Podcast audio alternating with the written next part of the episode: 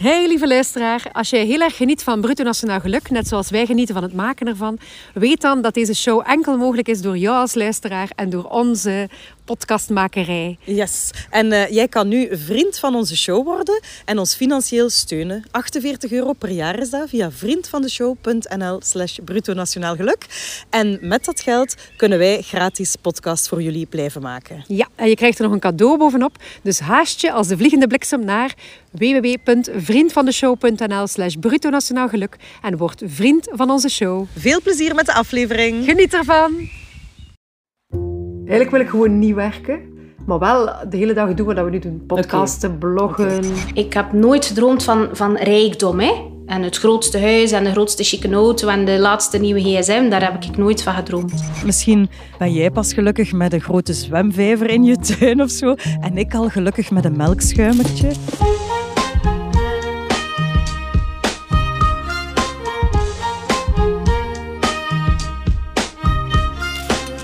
Maaike, weet jij exact hoeveel geld je hebt verdiend afgelopen maand als zelfstandige? Um, nee, maar wel genoeg. Genoeg om mij geen zorgen te maken. Ah, oké. Dus dat va wel. En jij, Eva? Hoeveel... Goh, ik heb eigenlijk een vast loon van de hogeschool, hè, omdat ik daar les geef. En alles wat ik daar bovenop doe als zelfstandige zijn cadeautjes. Ja. dat is mooi meegenomen. Dus ik weet eigenlijk nooit exact hoeveel geld er op mijn rekening staat. En ik maak mij daar ook nooit zorgen over. Och, dat is wel cool. Ik wel hoor. Ik kan er echt... Uh... I know. Ik ben natuurlijk fulltime zelfstandig, maar dan nog, ik kan echt wakker liggen van geld. Ja, en daar gaan we het vandaag dus over hebben. Hè. Maakt geld nu echt gelukkig? En ook, hoeveel geld hebben we nu juist nodig om een gelukkig en zorgeloos leven te leiden? Ja, we gaan onze overtuigingen over geld, of toch mijn overtuigingen over geld, bekijken. En we gaan die proberen veranderen. En we gaan zien hoe materialistische doelen ons geen goed doen. Oké, spannend allemaal. Welkom in Bruto Nationaal Geluk. En we starten naar aloude gewoonte met een verhaal dat ik gaan opnemen ben. En ik ben deze keer naar Oostkamp gespoord om daar uh, Isolde te gaan interviewen. Isolde was in een vorig leven kleuterleidster en in 2005 startte zij een eigen zaak op, Villa Kakelbond. Wat zei je aan toen, Isolde? Ja, ik ben op, op zoek naar foto's van de winkel. Ja, een keer aan het scrollen. Ja, dat was de winkel. Amai. Beschrijf eens, wat staat in groot van bovenop ja. Villa Kakelbond? Ja, dat was onze neon light in het felgroen. Daar staat dan Villa Kakelbond. En dan had ik zelf het logo uh, getekend. En dat was dan heel groot, een hele grote prent van een meisje. Ja, het lijkt een beetje op Pippi Langkous, vooral gewoon het haar vooral. Hè. Ja. En dan zie, je, ja, dan zie je eigenlijk de etalage. Hè. Uh, dus ik zie allemaal speelgoed ja, hier, deze kant. Ja, zo stapel uh, torentjes en inlegpuzzels. Inlegpuzzels met muziek. Spaarpotten in alle kleuren en vormen. en dan ja, allemaal houten speelgoed. Hè. Ja, ik heb dus inderdaad een speelgoedwinkel gehad in houten en stoffen speelgoed. Die heette Villa Kakelbond van ja, Pipi Lanko's, want ik voelde mijzelf ook wel een beetje een Pipi Lanko's. En ehm, daar kon je eigenlijk alle soorten leuke spulletjes vinden eh, die pasten bij de ontwikkeling van het kind. Um, ik heb die zaak vijf jaar gehad, van 2005 tot 2010. Um, en ik was toen ook net mama geworden. Mijn oudste dochter Manu was net drie maanden als we geopend zijn met de winkel. Dus je kunt je wel voorstellen dat dat best wel hectisch was. Maar ja, we deden dat dan. Um, en dat was wel super. Ik vond dat super tof om te doen. Um, ja, weet je, ik heb dat altijd een beetje gezien als mijn tweede kindje. een paar jaar later vroegen mensen wel vaak van... En, komt er een tweede? En dan zei ik vaak, ja, daar loop je in. Dus dat was voor mij zo, mijn winkel, dat was mijn kind. Um, en ook voor Manu, hoor, dat was heel fijn. Die liep daar ook heel vaak rond. Die is ook nooit naar de crash geweest, want de grootste speeltuin had hij thuis. Um, ja, dat was, dat was eigenlijk, als ik daar mag over praten, vind ik dat nog steeds, op zich nog steeds leuk. Het concept werkte, uh, de spullen waren heel fijn, uh, heel kleurrijk ook, want ik hield ook wel van kleur en kinderen ook. En ja, ik mocht daar zelf nog een beetje kind zijn. Hè. Mijn eigen kind was daar ook heel blij. Dus uh, ik heb ooit de, de, opmerking gehad van een klant... Als je hier binnenkomt, dan moet je een zonnebril dragen. Ja. En dan zei ik, straal ik zo hard? maar dat was eigenlijk vooral omdat ik ja, een hele kleurrijke ja, omgeving had. En ook de, de, de muren waren in felle kleuren geschilderd. Het was gewoon Villa Kakelbond als je binnenkwam. Zalige winkel, toch, ja. denk ik? En Isolde heeft echt haar roeping daarin gevonden, hè? dat kan je horen. Ja, klopt helemaal. En ze deed het zeker niet om superrijk van te worden, maar vooral omdat ze het heel graag wilde. Tot in 2008 de zaken plots wat minder liepen eigenlijk. Een eigen zaak opstarten is natuurlijk niet evident. Ehm, en je hebt op zich wel minstens drie jaar nodig om een beetje in dat roulement te raken en om een beetje cashflow op te bouwen. Hè? Want uiteindelijk was het ook wel zo dat wij telkens opnieuw uh, geld nodig hadden om te investeren in die zaak. Um, zeker als je dan ook met klerencollecties werkt, dan moet je die soms al een jaar op voorhand bestellen. Moeten die vaak ook al betaald worden. Dus ja, er moet een soort uh, rotatie komen in uw budgetten. Nu, ik geef dat ook wel grif toe. Ik had daar niet echt geen kaas van gegeten. Dus ik heb mij eigenlijk wel ook laten ondersteunen door mensen van wie dat ik dacht dat die hun job wel zouden doen. Enerzijds de boekhouder en anderzijds ook wel de bank die we dan nodig hadden. Maar in 2008, dat was dan de bankencrisis, hè, dan merkten wij heel fel wij bleven wel mooi stijgen in 2005, 2006, 2007. Gingen die cijfers gestaag naar omhoog. Dus eigenlijk deden wij het wel goed. Ja. Maar in 2008 merkten we dat mensen plots minder gingen uitgeven. En ik snap dat ook wel, want daar zijn, allee, daar zijn heel mooie dingen gebeurd bij die bankencrisis. Mensen zijn ook best wel wat geld verloren op dat moment. En wij voelden dat daar toch een verandering in zat. En wij hadden nog geen financiële buffer. En dat heeft er eigenlijk voor gezorgd dat het financieel niet zo goed ging. En dat ik eigenlijk toch blijven vroeten ben.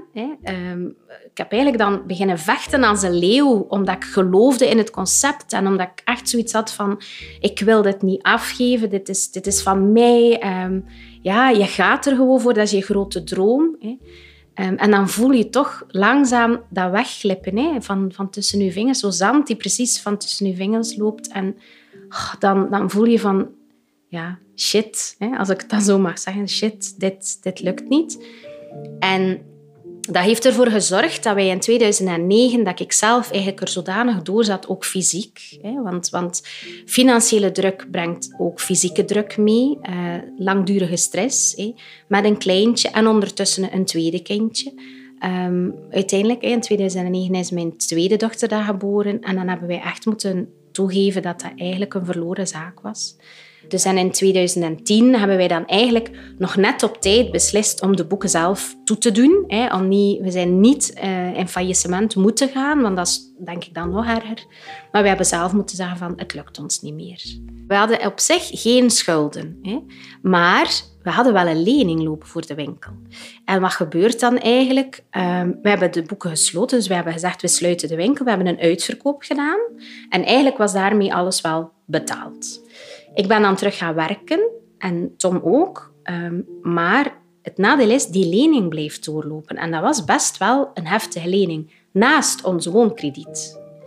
En daar is het eigenlijk fout gelopen. Wij, hebben toen niet, wij zijn niet in staat geweest gedurende drie maanden om die, dat investeringskrediet te betalen. En dan zegt de bank eigenlijk gewoon vlak af, jij bent een wanbetaler en ze hebben alles geblokkeerd. Maar echt alles dan sta je op de zwarte lijst. Ja, maar ik, ik, weet zelf weinig over banken en bankzaken, maar zo'n zwarte lijst, daar wil je dus niet op geraken. Hè? Want dan wil geen enkele andere bank jou nog geld lenen om de schulden bij die ene bank af te betalen. Oh, man. En heeft Isolde dan echt haar huis moeten verkopen, Eva? Toen nog niet. Zij vonden toen een, een soort bank of een instelling die wel aan hen geld wilde lenen, maar aan van die woekerrentes ik voelde mij zo een, een, een halve gangster. Want die kwamen bij ons thuis kijken of dat wij wel ja, het waard waren om een lening te krijgen bij hen. En die zijn door heel ons huis gegaan om te kijken van wat staat er hier eigenlijk? Steken zij niks weg? Hebben zij niet, hebben zij niet wel heel veel kapitaal? Weet ik veel wat. En ik had echt zoiets van, amai, Allee, hoe dat jullie naar ons kijken, terwijl dat wij eigenlijk gewoon... Ik wou alleen maar, ik wou alleen een winkel. En, en, en dan behandelen ze je eigenlijk als ja, het grof vuil. Zo, zo simpel is het. Echt, echt erg. En dat maakte dat wij maandelijks echt een hele zware aflossing hadden.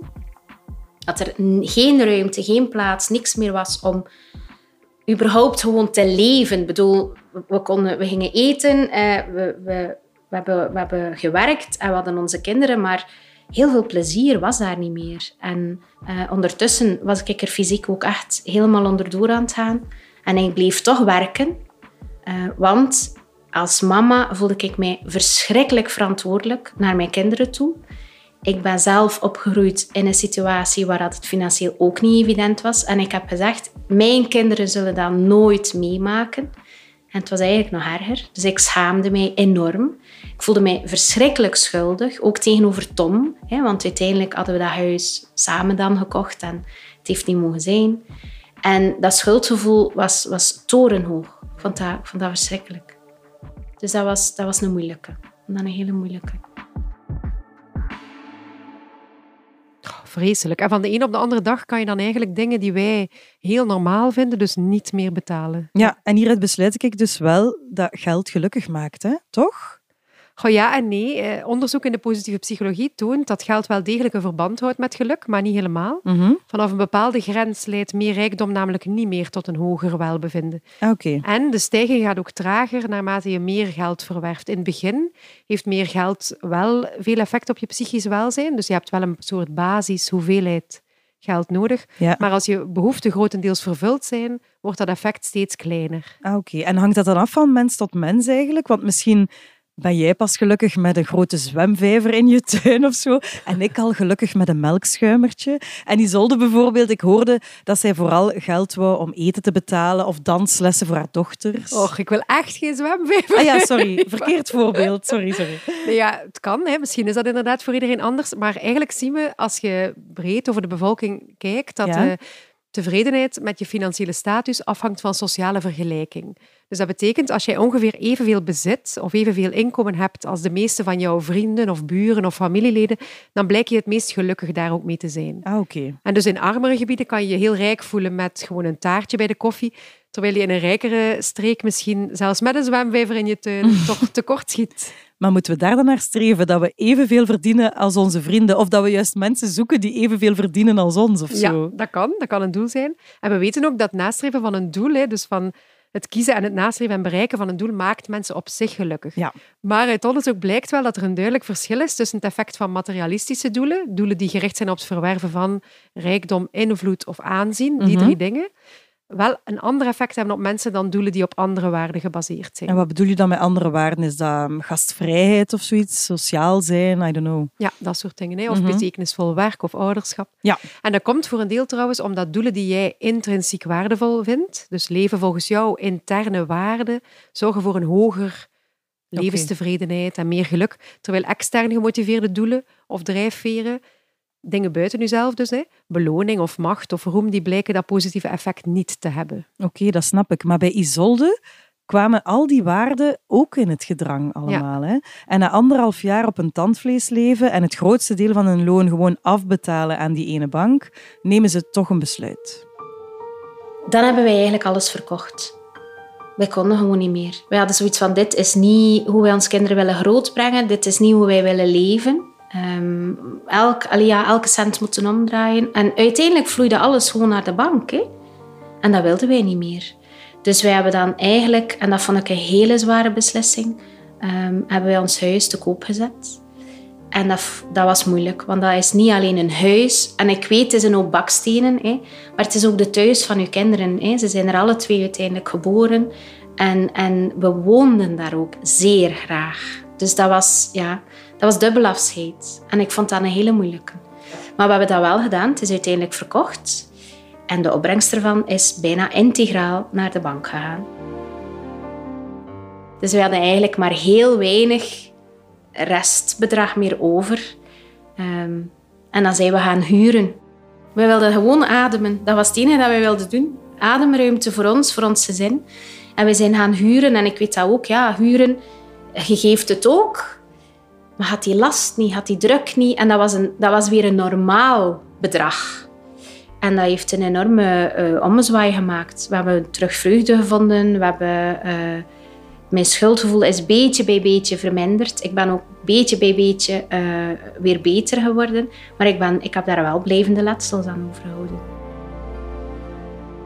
Op zich, minder geld vind ik niet zo... Allee, ik vind het niet erg. Maar uh, basisbehoeften voorzien vind ik wel belangrijk. En ehm, ik, ik heb nooit gedroomd van, van rijkdom. Hè?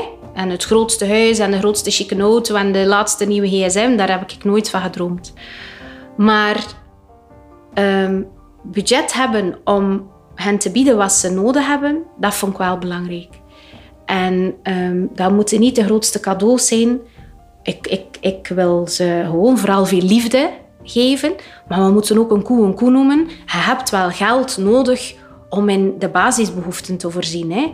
Uh, dan heb ik het over kledij, dan heb ik het over gezonde voeding, uh, dan heb ik het over studie. Maakt geld gelukkig? Ik vind dat altijd een moeilijke. Um, want ik denk het wel op een bepaald punt. Maar ik denk als je heel veel hebt, dat je daarom niet gelukkiger bent dan iemand die minder heeft. Dat, dat geloof ik ook. Maar ik, ik denk, oh, ja, geld maakt wel een stuk gelukkig als je kan kopen wat je nodig hebt. En ah ja, af en toe een keer een stukje chocoladecake, ik zeg maar iets, als je ze dan niet zelf koopt, uh, niet zelf uh, maakt bijvoorbeeld. Of, oh ja, dat ijsje, als, je, als je dan gaat fietsen of zo, dat ijsje, dat dat wel kan. Zo die kleine dingen, ja, verdorie, dat vind ik dat dat wel kan. En het zijn die dingen die, die mijn leven verrijken. En dat vind ik belangrijk. En inderdaad, toch ook een keer ertussenuit kunnen knijpen. Dat hoeft niet de grootste vakantie te zijn, maar er een keer tussenuit mogen knijpen. Even je zinnen verzetten. Ja, dat vind ik wel belangrijk. En dat maakt mij wel gelukkig. Maar ja, ik moet daar geen doekjes om winnen. Dat kost ook geld. En dat, ja, dan, dan vind ik dat dat wel belangrijk is. Maar de laatste nieuwe gsm of de chicste auto voor de deur of het mooiste huis met zwembad, nee, dat hoeft voor mij niet. Oh, hier is toch heel duidelijk hè, dat die waarden inderdaad belangrijk zijn voor Isolde. Ja. En die financiële druk die bracht al haar intrinsieke waarden in het gedrang. Dat was wel een moedige, maar ik denk misschien wel een juiste beslissing van haar hè, om dat huis te verkopen. Ik vond dat heel moedig. Zo helemaal opnieuw beginnen en ze waren al eind de dertig. Dus ja. ik kan me er wel iets bij voorstellen. En ik hoorde haar inderdaad daarna niet zeggen dat ze haar grote huis per se miste, want er kwamen eigenlijk heel veel mooie momentjes voor in de plaats. We hebben heel veel plezier. Ondanks dat hebben wij nog steeds heel veel plezier met elkaar. Kunnen wij lachen om de kleinste nozelste dingen. Um, appreciëren wij um, ja, elke dag dat de zon opkomt, dat we hier een, huis alleen een dak boven ons hoofd hebben. We zijn blijer met kleinere dingen. Och, schoon hè? Ja. Maar het is nog sterker dan dat. Hè. Sterker dan we zien in het verhaal van Isolde. Materialisme maakt mensen niet alleen niet gelukkig, mhm. maar je leven inrichten naar materialistische waarden verlaagt zelfs je geluk, je welbevinden, je vitaliteit en vergroot de kans op psychische problemen zoals depressie en angst. Echt Eva, dat zijn akelige resultaten als je daar begint te eh, in te verdiepen. Want ook bijvoorbeeld fysieke problemen komen meer voor bij mensen met een sterke gerichtheid op materialistische doelen. Zoals hoofdpijn, keelpijn, rugpijn, spierpijn. Maar daar hoor je toch nooit iets over? Nee, zot hè? Ja. het is zelfs nog erger. Mensen die vooral naar geld of macht of imago streven, die rapporteren meer druggebruik, meer alcoholgebruik, meer andere verslavende middelen. Mhm. En materialistische tieners vertonen meer problematisch gedrag.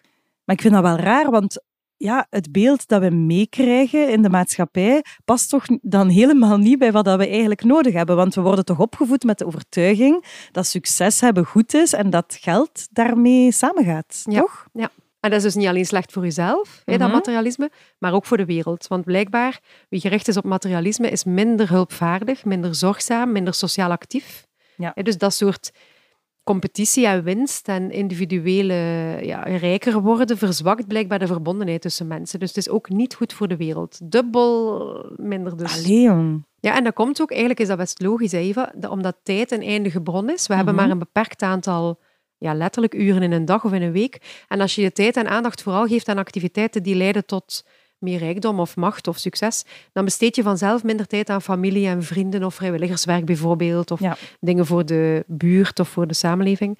En als productiviteit en werk centraal staan in je leven, dan is er dus minder tijd voor activiteiten die je zelf ook kan doen, om bijvoorbeeld je geluk te bevorderen. Denk aan ehm, wandelen of uh, dankbaarheidsoefeningen of nieuwe dingen leren. Daar worden mensen gelukkiger van. Ja. Maar daar heb je tijd voor nodig. Ja, en die tijd is dan al weg aan andere dingen. Hè? Maar waarom streven zoveel mensen dan toch naar rijkdom en, en materiële dingen? Alleen, moeten we niet gewoon allemaal ons spullen wegdoen en kleiner gaan wonen, bijvoorbeeld? Ja, dat zou kunnen dat dat helpt om gelukkiger te worden. Maar wat ik denk dat aan de grond ligt, is dat we samen ook een cultuur hebben gevormd die een aantal basisideeën heeft over geld en bezit als bron van veiligheid, bijvoorbeeld. En dus er zit een verlangen achter, denk ik, dat heel reëel is naar veiligheid voor de toekomst en zo. Hè. Dat is niet zo gek. Ja, maar waar halen we die overtuigingen dan? Overtuigingen zijn eigenlijk een soort versimpeling van de realiteit. Je kan denken, als je naar de werkelijkheid kijkt, dat wij daar maar een heel klein deel van kunnen observeren in ons leven. Mhm. En op basis van dat kleine deel maken wij conclusies over wat er waar is en wat er niet waar is.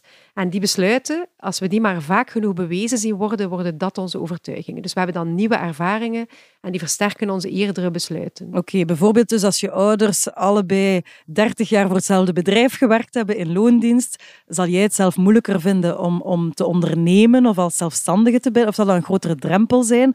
En ook van werk veranderen zal dan een grote drempel zijn, hè? want je hebt dat nooit zien gebeuren en dat lijkt niet veilig. Ja, dat zou best kunnen. Terwijl als je inderdaad in een gezin opgroeit met eh, mensen die, die risico durven nemen of ondernemer zijn of zo, zou het kunnen dat je juist een andere overtuiging hebt. Hè? Namelijk dat werknemerschap uh, niks voor jou is. Mhm. ja. En wat er ook kan gebeuren, is dat overtuigingen... Hè, dus enerzijds kunnen ze gebaseerd zijn op je kindertijd of op je ervaringen in je eh, voorbije leven, maar die kunnen ook beïnvloed worden door de overtuigingen van de mensen om je heen. Oké. Je kan dus rond geld met heel wat overtuigingen zitten, van vroeger, maar ook van vandaag, vanuit je vriendenkring, vanuit je familie, en ehm, die zijn soms eerder hinderlijk dan helpend, die ja, overtuigingen. Ja, ja. En daar gaat ons experiment van deze week over, Maaike? Mhm. Want wij gingen dus aan de slag met een boek. En het is het boek van Dave Gray, Liminaal Denken eh, is de titel.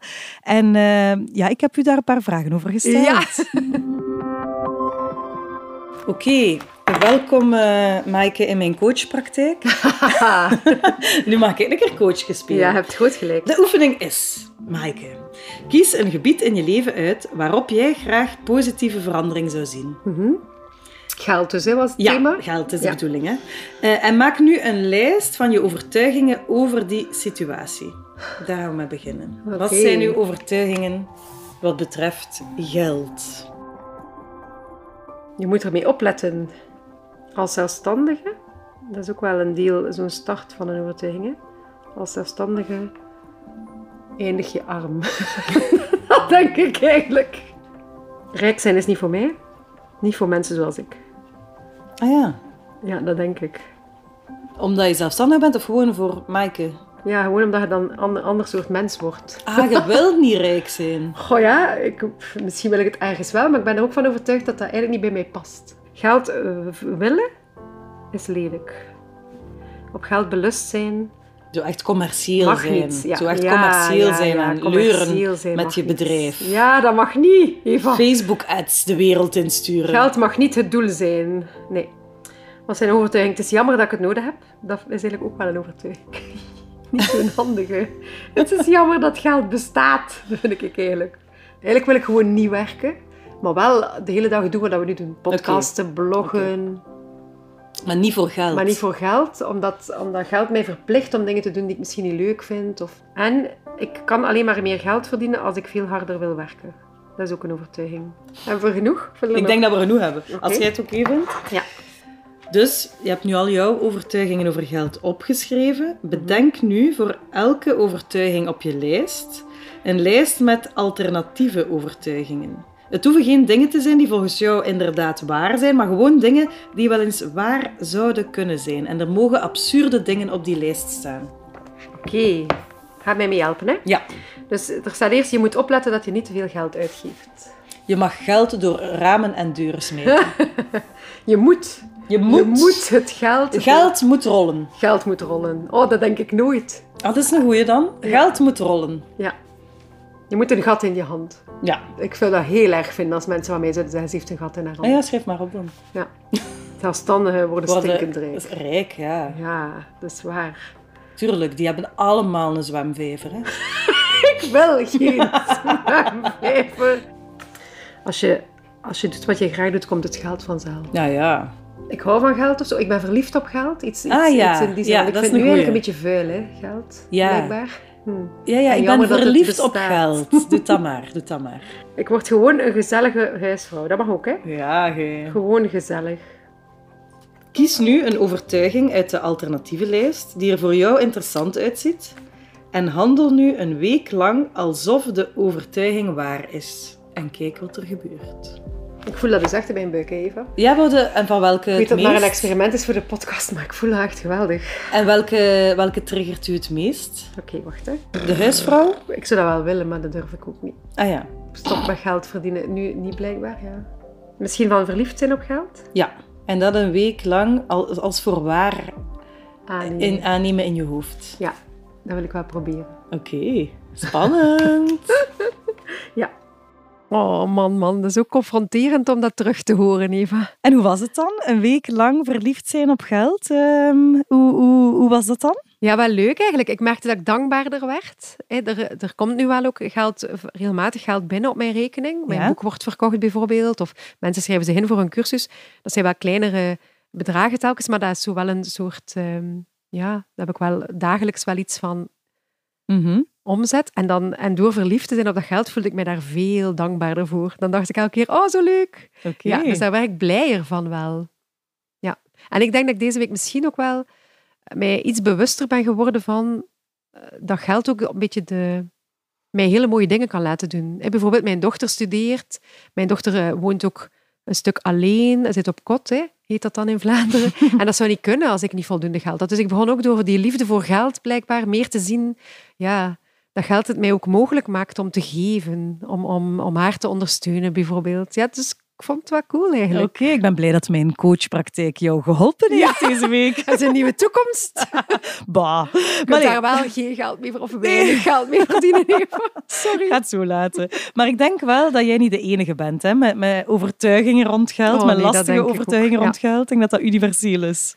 Ja, en het is niet omdat je die overtuigingen herkent dat je ervan af bent, hè, Eva. Dat was Ja. nu een leuk eh, spelletje en het heeft ook echt wel wat gedaan. Maar je ziet in onze wereld waarin we on- omringd zijn en vaak ongevraagd overspoeld worden door marketing, door Ja. toch iets van een verkoopmachinerie, hè? Een, een, eh, een reclamewereld die graag wil dat wij geld uitgeven en ook verlangen naar materiële Mhm.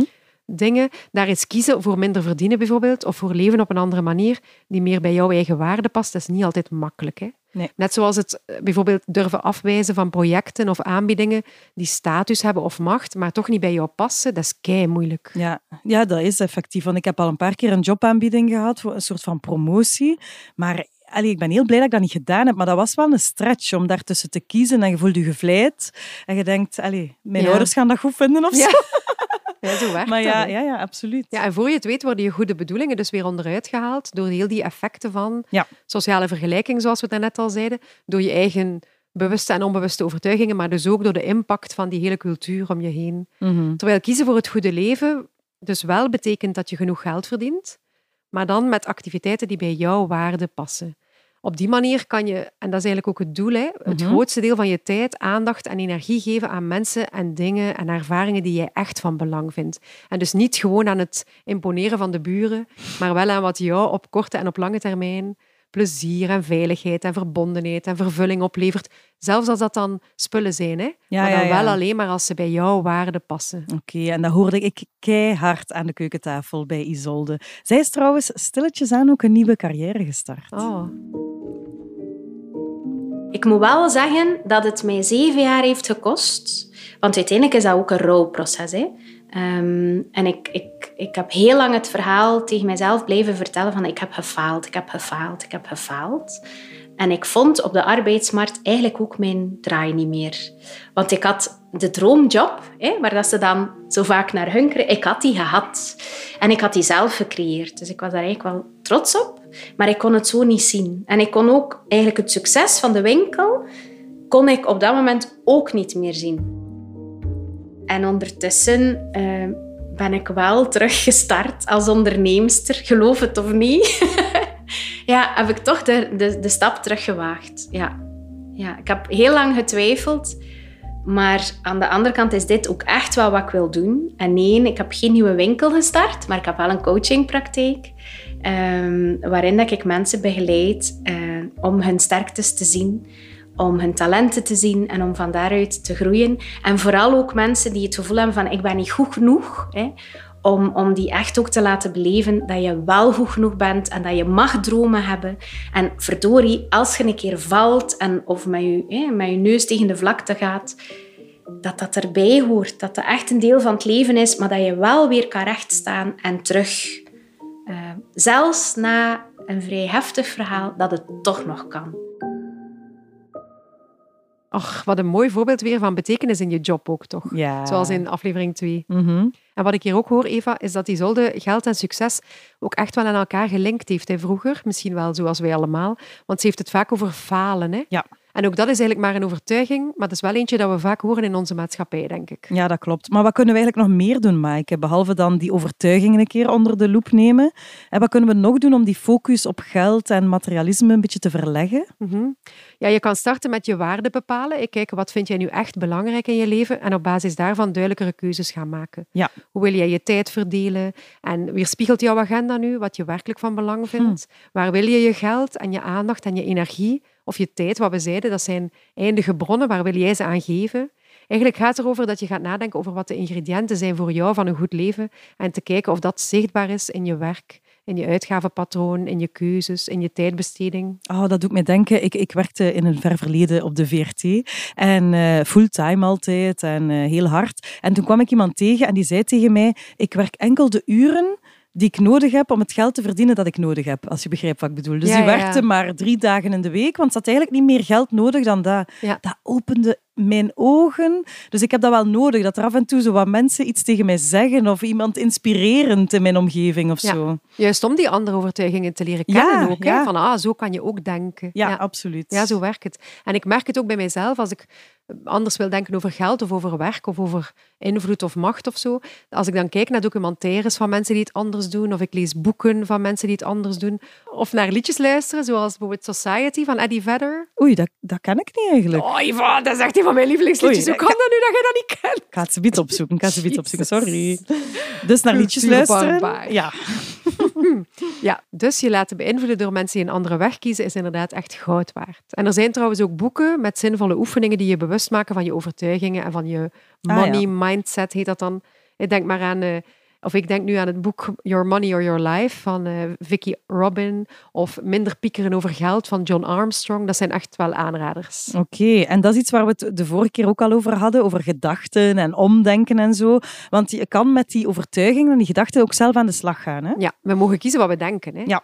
En dan zie je ook, als je je anders gaat gedragen, dat je overtuigingen ook kunnen veranderen. Hè? Want je gaat andere dingen doen. En dan kunnen we dus ook beter kiezen voor wat echt van belang is en de rest laten vallen. Mhm. Want als je onnodige ballast overboord gooit, Eva, kan je hoger vliegen. Maar zeg, en met deze mooie woorden sluiten we dan ook onze aflevering over geld officieel af. Voilà. En zoals altijd zetten we al onze tips en links op de website van Bruto Nationaal Geluk en in de show notes in je podcast-app. Ja, zo kan je zelf ook een keer coachje spelen en al je geldovertuigingen onder de loep nemen. En dan, net als Isolde, ondernemer worden op basis van waarden en niet op basis van het streven naar een vakantiehuis in Dardenne of zo. Mhm. Zeg, zou Sander trouwens onze podcast afmixen omdat hij er zo rijk van wordt of gewoon omdat hij het leuk vindt? Voor het geld natuurlijk, denk ik. Nee, even voor de duidelijkheid, lieve luisteraars. Wij verdienen voorlopig niks aan deze podcast, Maaike en ik. En we maken dit volledig in onze vrije tijd. Maar we denken er wel aan om er ooit eens een verdienmodel achter te steken. Hè? Niet voor de hot tub in de tuin, maar gewoon omdat we dit graag doen en hier graag onze tijd in steken. En moesten we hier een klein beetje geld mee verdienen, kunnen we natuurlijk nog radicaler meer prioriteit geven aan bruto nationaal geluk. Ja, niet een klein beetje geld. Eva, ik ben nogal verliefd op geld, dus Oh. doe maar gewoon veel. We zoeken Nee. dus geld. Maar dus alle ideeën zijn welkom, sponsors zijn zeker welkom. Ja, maar voorlopig betalen we dus Sander in natura. Hè? Echt?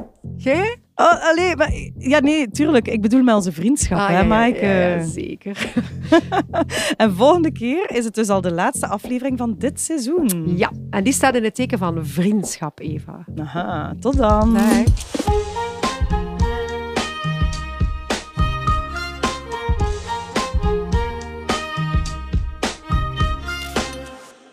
Ja, ik heb hier ondertussen eh, een keer dat nummer opgezocht, dat lievelingsnummer van Maaike, van Eddie Vedder, Society. En natuurlijk, ja, tuurlijk ken ik het. Society,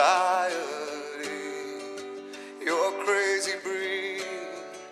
I hope you're not lonely without me. Bruto Nationaal Geluk is lid van Luister. Luister. Een netwerk van podcasts gemaakt met passie en métier.